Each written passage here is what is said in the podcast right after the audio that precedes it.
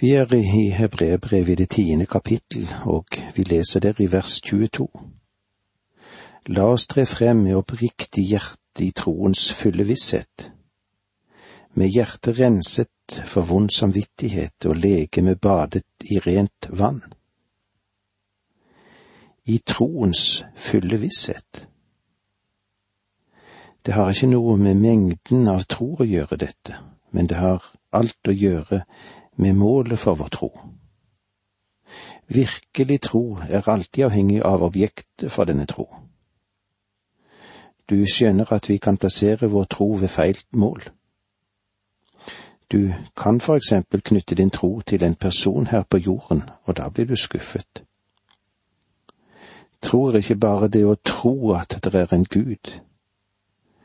Alt det det er verdt, er at du ikke er ateist. Men du burde ikke bare ha kunnskap om Gud og kjenne rettferdighetens vei, men du skulle også handle på bakgrunn av denne troen. Virkelig tro betyr at du i sannhet har tatt imot den Herre Jesus Kristus som din personlige frelser, og det Han har gjort det så klart for oss gjennom sitt eget ord. I Johannes 1, 11 og 12 står det slik, han kom til sitt eget, men hans egne tok ikke imot ham. Alle som tok imot ham, dem gav han rett til å bli Guds barn, de som tror på hans navn. Å tro på Kristus betyr å ta imot Kristus som frelser. Troen er handling basert på kunnskap. Gud ber oss aldri om å ta et sprang ut i mørket. Jeg har noe vanskeligheter med å si meg enig med teologer som sier at tro er å hoppe ut i mørket. Hvis det er sant, så må du ikke hoppe, for det kan hende at du hopper fra et tietasjes hus. Du trenger ikke hoppe ut i mørket fordi Gud har gitt oss kunnskap. Så kommer da troen av det budskapet en hører, og budskapet kommer av Kristi ord, står det i Romer 10, 17. Gud har gitt oss et fundament for å tro. Ingen kan legge noen annen grunnvoll enn den som er lagt, Jesus Kristus, står det i første Korinterbrev 3.11. Passer det deg, dette fundamentet? Det er selve kunnskapen, men det er troen som bringer oss dit. Troen er handling som er basert på kunnskap og det betyr å stole på Kristus personlig som din frelser. Så la oss tre frem med oppriktig hjerte i troens fulle visshet, med hjertet renset for vond samvittighet og legeme badet i rent vann. Det betyr at du og jeg som troen har del i prestedømmet. Alle troen har del i et allment prestedømme. Hver troende er prest, og som slik kan du komme til Gud og tale med frimodighet. Så mange mennesker ber predikanten om å be for dem, og det har de full rett til. Men vi må også være oss bevisst på at alle troende har adgang til Gud. Du har like stor rett til å stå for Guds åsyn, du, og at din bønn blir hørt som jeg har det eller noen annen. For vi kommer alle på denne nye offerveien som Kristus har åpnet for oss. Og det er på det grunnlaget vi kommer til Gud. Vers 23 La oss holde urokkelig fast ved bekjennelsen av vår tro, for Han som ga løftet, er trofast. La oss holde urokkelig fast ved bekjennelsen av vårt håp. Vi eier et håp, og dette håpet står til Gud som ikke bare skaper vår nåtid, men også vår fremtid. Det er vidunderlig at vi kan komme nær Gud i troens fulle visshet, og at vi også kan holde fast ved bekjennelsen av vår tro fordi vi har et håp. Det betyr at det er intet som ligger bak oss. Troen blir ikke for gammel, fordi løftene som er knyttet til Gud, og som Han har gitt, er alltid satt inn i futuru. I disse to versene vi har vært innom, i vers 22 og 23, blir vi ført fra det Kristus har gjort, og til det vi må gjøre. Om vi skal få nytte av Kristi verk.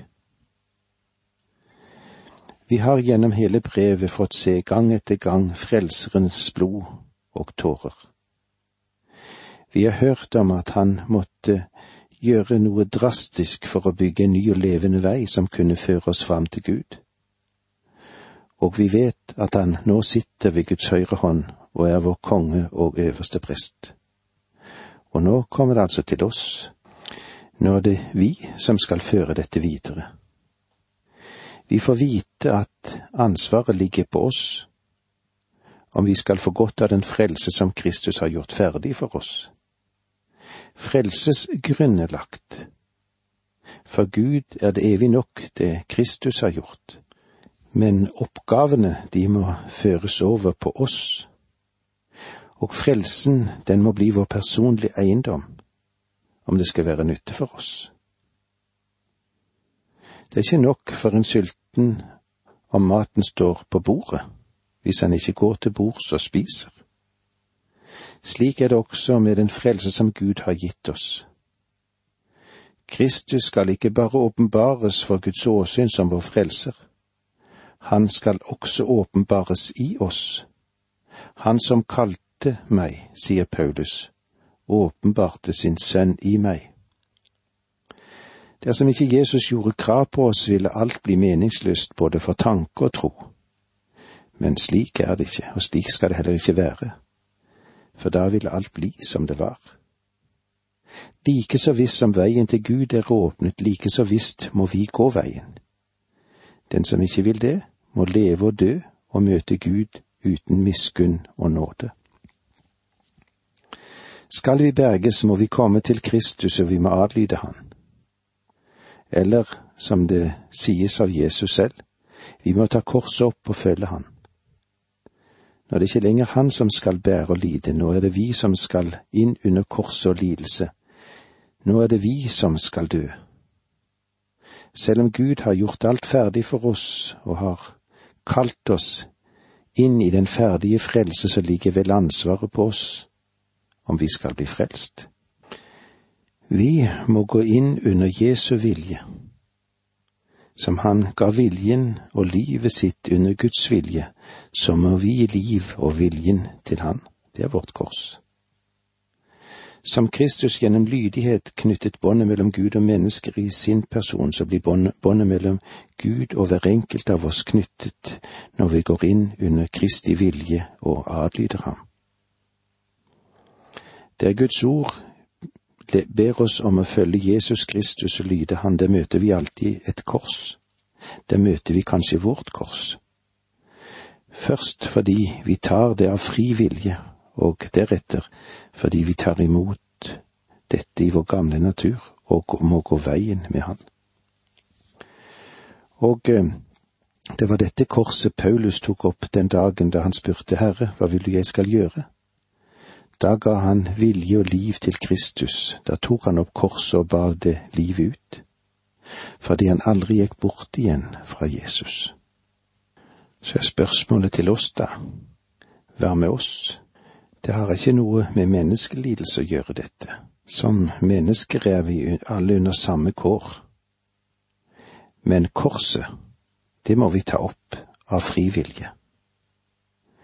Vi har fått en oppgave, og det er å gå ut med evangeliet. Vi skal tre frem, og vi skal holde fast. Og det er det Gud har bedt oss om, og som det òg står i vers 23.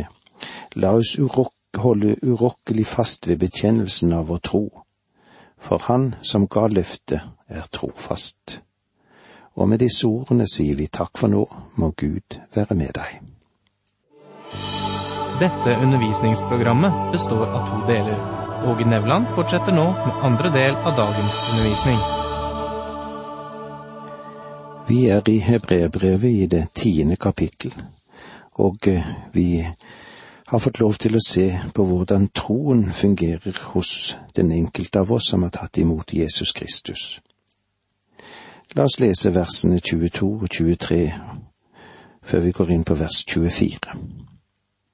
La oss tre frem for Gud med oppriktig hjerte i troens fulle visshet, med hjertet renset for vond samvittighet og legeme badet i rent vann. La oss holde urokkelig fast ved bekjennelsen av vår tro, for Han som ga løftet, er trofast. Vi skal altså tre frem, vi skal holde fast, og så kommer det tredje forhold til oss som står i vers 24. La oss ha omtanke for hverandre, så vi oppgløder hverandre til kjærlighet og gode gjerninger. La oss ha omtanke for hverandre så vi oppgløder hverandre. Oppgløder hverandre. Det betyr å ha et blikk for begeistring. La oss ha omtanke for hverandre, så vi har et blikk for å begeistre hverandre til kjærlighet og til gode gjerninger. Irriterer jeg deg? Noen kristne påstår at jeg har plaget deres samvittighet. Vel, jeg håper at jeg i mange tilfeller har gjort det. Men jeg håper inderlig også at jeg har kunnet begeistre noen så at jeg har stimulert dem til gode gjerninger for Gud og til kjærlighet overfor andre. Vers 25 Og la oss ikke holde oss borte når vår menighet samles, slik som noen pleier å gjøre La oss heller oppmuntre hverandre så mye mer som dere ser at dagen nærmer seg. Om det var en tid da de troende trenger å komme sammen, så er det i alle fall i dag. I stedet for å forringe hverandre trenger vi å dra oss nærme hverandre i kjærlighet rundt Kristi person. La oss oppmuntre hverandre. Vi trenger å studere Guds ord sammen Gud har noe i beredskap for en gruppe som han ikke vil avse for det enkelte mennesket. En av grunnene til at jeg liker å forkynne Guds ord, er ganske selvisk. Det er fordi Gud ikke vil la meg vokse i kunnskap om Hans ord uten at jeg deler det. Vi skal ikke vrake det å samles, Finnes det en samling om Bibelen i menigheten din, så gjør du det du kan for å være med der. Der er en velsignelse som venter på deg, som du bare kan få om du sitter der og i fellesskap studerer Bibelen. Vi har altså tre ting å se på her. La oss dra nær i tro til Gud. La oss dra nær i håp for oss selv. La oss dra nær i kjærlighet for andre. Skal vi gjenta det? La oss dra nær i tro til Gud, la oss dra nær i håp for oss selv, la oss dra nær i kjærlighet for andre. Dette gir oss igjen de tre nådeuttrykk, du må gjerne kalle dem for tre gratiser, tro, håp og kjærlighet. Du merker nå at vi er inne i den praktiske delen av hebreerbrevet som dere ser at dagen nærmer seg. For det jødiske folk som er målgruppen i dette brevet, så kan dagen som nærmer seg kanskje være den dagen da tempelet ble ødelagt, som var i år 70. Husk at de troende møttes i tempelet. Det var der de var på pinsedag da Den hellige ånd kom. Peter og Johannes var på vei inn i tempelet da de møtte den lamme tiggeren ved den fagre tempelporten men hvor skal de samle seg etter at tempelet er ødelagt? Forfatteren appellerer og sier til dem, når dere nå ser at dagen nærmer seg, og dere ikke vil ha en anledning til å møtes, så gjør det dere kan for å komme sammen når dere kan. Og menigheten, den begynte med å møtes i de private hjem. La oss derfor stige frem for Gud med et oppriktig hjerte i troens fulle visshet. Dette gjelder altså ikke bare første gangen vi kommer til Gud. Slik må det være hele livet vårt. Og det er her vi som kristne har vår hardeste strid. Og det er så lett igjen å komme inn i et forhold som skaper disharmoni. Også her, og ikke minst her, må en kristen nekte seg selv å ta korset opp hver dag. At vi gjør noe galt, at vi synder, ja, det er jo vondt. Men det som er enda verre, er at vi gjemmer synden overfor Gud, og det er verre enn alt. Synd som blir bekjent for Gud, fører oss alltid inn i nåden. Men synden jeg ser og ikke vil begå, hva med den? Den kan føre oss bort ifra nåden. Inne i det dypeste hjertegrunn vil vi så lett oppdage det mørke rom, der vi gjerne vil ha noe for oss selv, noe som vi kanskje minst av alt er villig til å gi fra oss. Det kan ofte være svake sider ved vår natur. Kanskje han kan kalle det for karakterfeil, det så. I tidligere tider så kalte de dette kanskje for skjødesynder. Kanskje et ord som passer på en stygg realitet. Noe som vi kanskje tar i fang og kjeler litt overfor. Er vi våkne, så kan det lykkes at vi får øye på denne lumske makt i oss selv. Ja, hos de andre så er den jo lett å finne. Har du sett noe hos de andre ikke hos deg selv? Men er det slik at synden begynner å leke med oss, så er det vanskelig å seire over dette. Dette er ting som vi må tenke dypt over. Her er, skal vi si, mye svak kristenliv blant oss i dag. Hvorfor? Fordi synden får lov til å gå løs. Og lykkes ikke for oss å få øye på dem og føre dem tilbake til Gud, ja, så kan det gå på livet løst. Vil vi eie nåden, hva da? Da må vi levere fra oss synden. Så la oss da tre frem med oppriktig hjerte i troens fulle visshet, med hjertet renset for vond samvittighet og legeme badet i rent vann. La oss holde urokkelig fast ved bekjennelsen av vår tro, for Han som ga løftet, er trofast. La oss ha omtanke for hverandre, så vi oppgløder hverandre til kjærlighet og gode gjerninger. Vi vil nå se noen faresignal. Faren ved å forakte. Dette er den alvorligste advarselen av alle det. Faktisk så synes jeg at den får hårene til å reise seg på hodet. Vi skal stoppe opp for vers 26 i kapittel 10 synder vi med viten og vilje etter at vi har lært sannheten å kjenne. Da finnes det ikke lenger noe offer for synder. Det er fryktelig å falle i den levende Guds hender. Simon Peter skrev det slik i Jan Peters brev 2.21. Det ville vært bedre for dem om de aldri hadde lært å kjenne den rette vei enn at de først kjenner dem, og så vender seg bort fra det hellige bud som blir overgitt dem. Advarselen rettet mot de troende jøder fordi mange av dem fortsatte med å gå til tempelet for å bringe sine blodofre der. De holdt en maske, og de lot som om de fremdeles var under Moseloven. Ved at de gjorde det, gjorde de det samtidig klart at Kristi offer ikke betydde noe for dem.